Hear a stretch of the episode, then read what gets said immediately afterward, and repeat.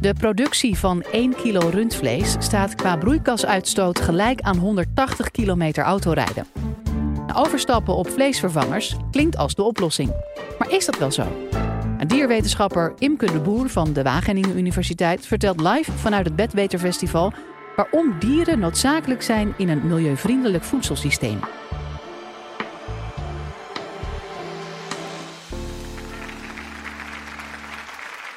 Dat jullie er allemaal zijn om met mij te filosoferen over verandering. Mijn dieet is sinds mijn jeugd enorm veranderd. Toen ik jong was, had ik iedere dag vlees. En mijn moeder vond het ook belangrijk dat ik drie glazen melk per dag dronk. Dat komt ook omdat ik uit een sportief gezin kom. Mijn ouders waren allebei sportleraar en zij dachten echt dat je alleen goed kon sporten als je ook regelmatig vlees, melk en eieren at. Maar ik hou niet alleen van sport, ik hou ook van dieren. En mijn droom was om dierenarts te worden, maar ik werd uitgeloot en kwam in Wageningen terecht. Ik ging dierwetenschappen studeren. En het was tijdens die studie dierwetenschappen dat ik mezelf vragen ging stellen. Mogen we eigenlijk wel dieren doden voor de productie van ons voedsel? En is het wel goed voor de planeet om dierlijk product te eten? En in die tijd, toen ik student was, was er eigenlijk nog nauwelijks discussie over deze vraag.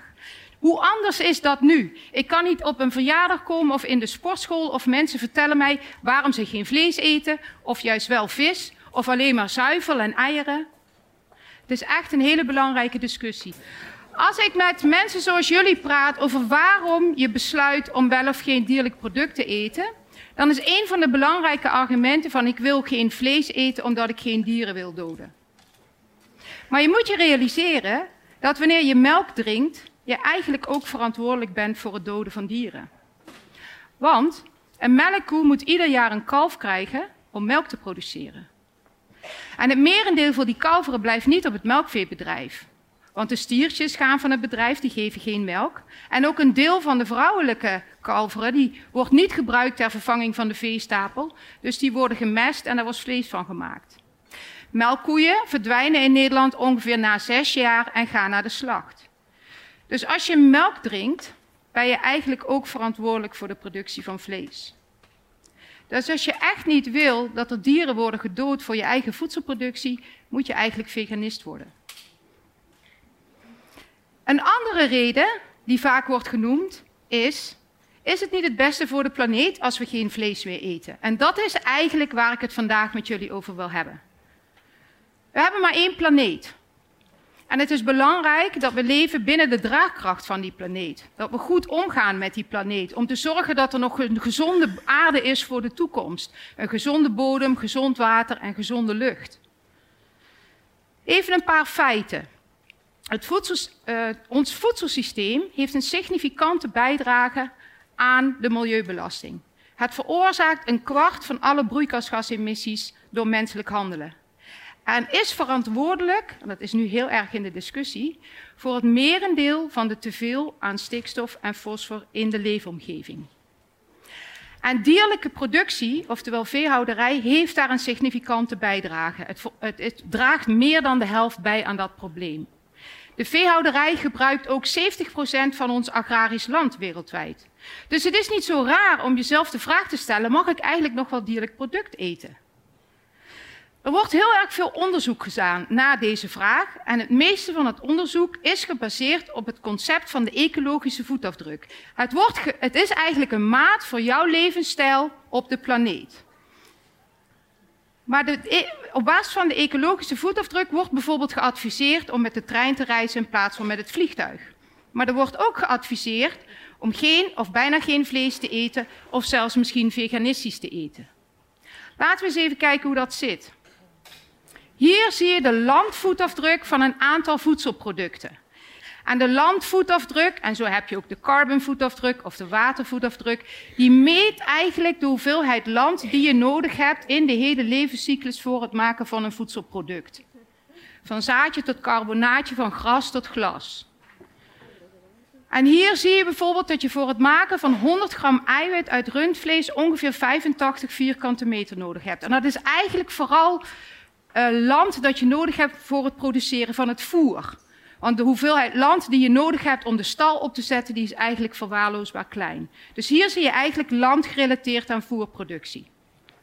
Op basis van dit soort concepten adviseert Milieu Centraal jullie om geen rundvlees of lamvlees te eten. Want dit heeft een hele grote voetafdruk, dat zie je hier. En de voetafdruk is veel groter dan die van kip. Dus ze zeggen, als je vlees wilt eten, eet dan kip. Maar kip eet voor een heel erg belangrijk deel graan. Een product dat wij eigenlijk rechtstreeks hadden kunnen eten. Terwijl een melkkoe dat product melk en het bijbehorende vlees produceert op basis van gras. Een product dat wij niet zelf kunnen eten. Dus de kip concurreert rechtstreeks met de mens. En dat noemen we feed-food competitie.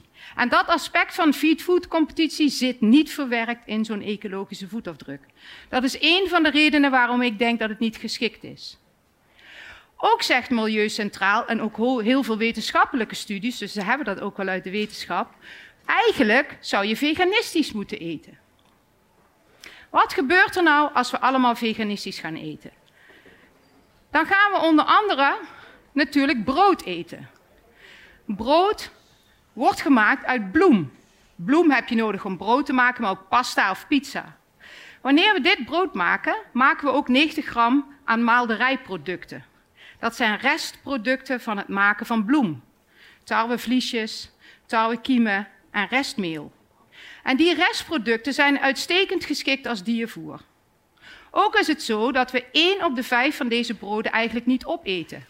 Omdat het deeg niet gelukt is, het brood niet goed gebakken of omdat het te laat in de supermarkt wordt verkocht. En natuurlijk moeten we de hoeveelheid broodafval zien te verminderen. Maar als we dat broodafval hebben, zouden we het moeten hergebruiken in het voedselsysteem. Wisten jullie dat als je bier drinkt, je eigenlijk ook voer maakt voor melkkoeien. Als je 10 liter bier produceert, produceer je 2 kilo bierborstel. En bierborstel is een product dat wij niet kunnen eten, maar dat heel geschikt is om aan koeien te voeren. Dus die ecologische voetafdruk, die dus heel veel wordt gebruikt, die houdt geen rekening met die zogenaamde productpakketjes. Dus als je bier maakt, maak je ook bierborstel. En als je graan hebt, heb je ook restmeel. En, die, en, de, het volgt eigenlijk de product lineair in, in het productieproces. En is eigenlijk niet intelligent genoeg om naar al die verbindingen in het voedselsysteem te kijken. Dus in mijn, in mijn optiek is het niet geschikt om de rol van het dier in het dieet te bepalen. Wat moet je dan wel doen? Eigenlijk moet je gaan denken in kringlopen. We willen de toekomstige wereldbevolking van een duurzaam dieet voorzien.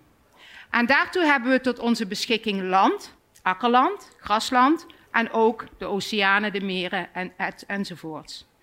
Wat we nou zouden moeten doen, in mijn ogen, is het akkerland. En dat is het land dat geschikt is om plantaardige producten op te produceren die wij rechtstreeks zouden kunnen eten.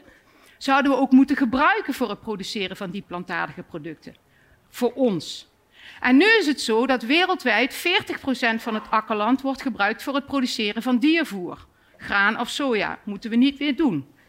Maar als we die producten produceren voor de mens, dan produceren we ook allerlei reststromen. Dus als je graan produceert, dan is het gewastrest stro, dan heb je maalderijproducten, dan heb je broodafval. En al die reststromen die we produceren, inclusief onze eigen uitwerpselen, zouden we weer moeten terugvoeren in het voedselsysteem. Om de bodem te voeden, maar een deel van die reststromen kunnen we ook aan dieren geven en die mest kan weer terug naar de bodem. Dus dieren in dit voedselsysteem, die verwaarden eigenlijk reststromen en gras. Natuurlijk kunnen we ook duurzaam oogsten uit de oceanen. En daar zou het ook slim zijn als we iets lager in het voedselweb zouden gaan consumeren. Dus niet zozeer de zalm, want dat is eigenlijk de wolf van de oceaan, maar juist mosselen, zeewier of zeekomkommers. En ons onderzoek heeft laten zien dat wanneer we dat doen, we eigenlijk de natuurlijke hulpbronnen zoals land en regenwater het meest effectief benutten.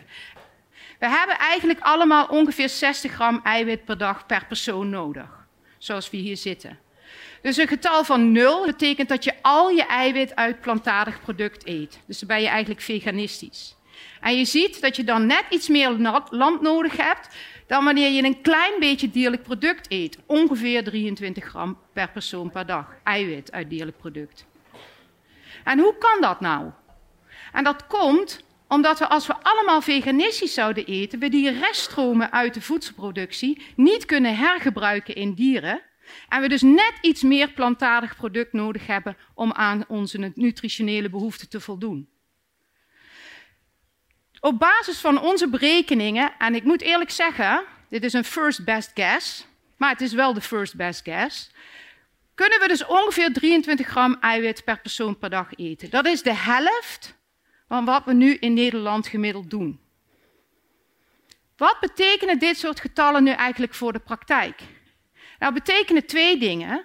Aan de ene kant betekent dat dat boeren hun dieren anders moeten gaan voeren, op reststromen en op gras. En dit is een voorbeeld uit de praktijk. Dit is een doosje eieren van het leghennenbedrijf Kipster. En die voeren hun, hun hennen alleen met bakkerijafval, krekkerafval, beschuitafval en raapzaadschroot. Dus het is een, echt een kringloopproduct. Dit is een pak melk van weideweelden, gemaakt door koeien die grazen op kruiderijk grasland. En dat is niet alleen goed voor de koe, maar dat is ook goed voor de weidevogels. Dus boeren die deze melk produceren, dragen niet alleen bij aan onze voedselproductie, maar ook aan het behoud van biodiversiteit.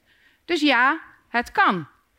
Maar het betekent ook dat wij met z'n allen minder moeten gaan consumeren. Want de hoeveelheid dierlijk product dat we kunnen maken wordt beperkt door de hoeveelheid reststromen en gras die er beschikbaar zijn. En dat is ongeveer dus de helft van wat je normaal gesproken gemiddeld in Nederland eet. Maar wat betekent dat dan eigenlijk? Ik probeer te leven volgens deze principes. En ik moet eerlijk zeggen, dat valt niet altijd mee. Ik hou heel erg van een ontbijt met yoghurt. En dat doe ik iedere dag. En daarmee heb ik eigenlijk al 30% van mijn week-eiwit verorberd. Dat betekent dat als ik tussen de middag iets op mijn brood wil doen, want ik hou ook nog heel erg van kaas, dan kan het af en toe kaas zijn, af en toe ei, maar zeker ook een paar keer per week humus of een ander plantaardig beleg. Tijdens het avondeten, omdat ik melk en kaas eet, kan ik ook een heel klein beetje gehakt eten. Dus af en toe lasagne kan. En nog een enkele, enkele maaltijd op basis van ei, bijvoorbeeld in frittata, kan ook. Maar ik moet ook zeker drie keer in de week, en eigenlijk is friet dat ook wel, vier keer in de week volledig plantaardig eten. Drie keer gezond, vandaag wat minder gezond. En dan kan ik ook nog één keer in de week iets uit het water eten. Mosselen of in de toekomst misschien wel zeekomkommers. En ik vind het zelfs best wel moeilijk, maar ik denk er wel heel erg goed over na. En ik hoop dat ik jullie met dit verhaal heb geïnspireerd om ook goed na te denken over je consumptie van dierlijk product. Dank jullie wel. Wil je nou meer afleveringen van de Universiteit van Nederland horen? Check dan de hele playlist en ontdek het antwoord op vele andere vragen.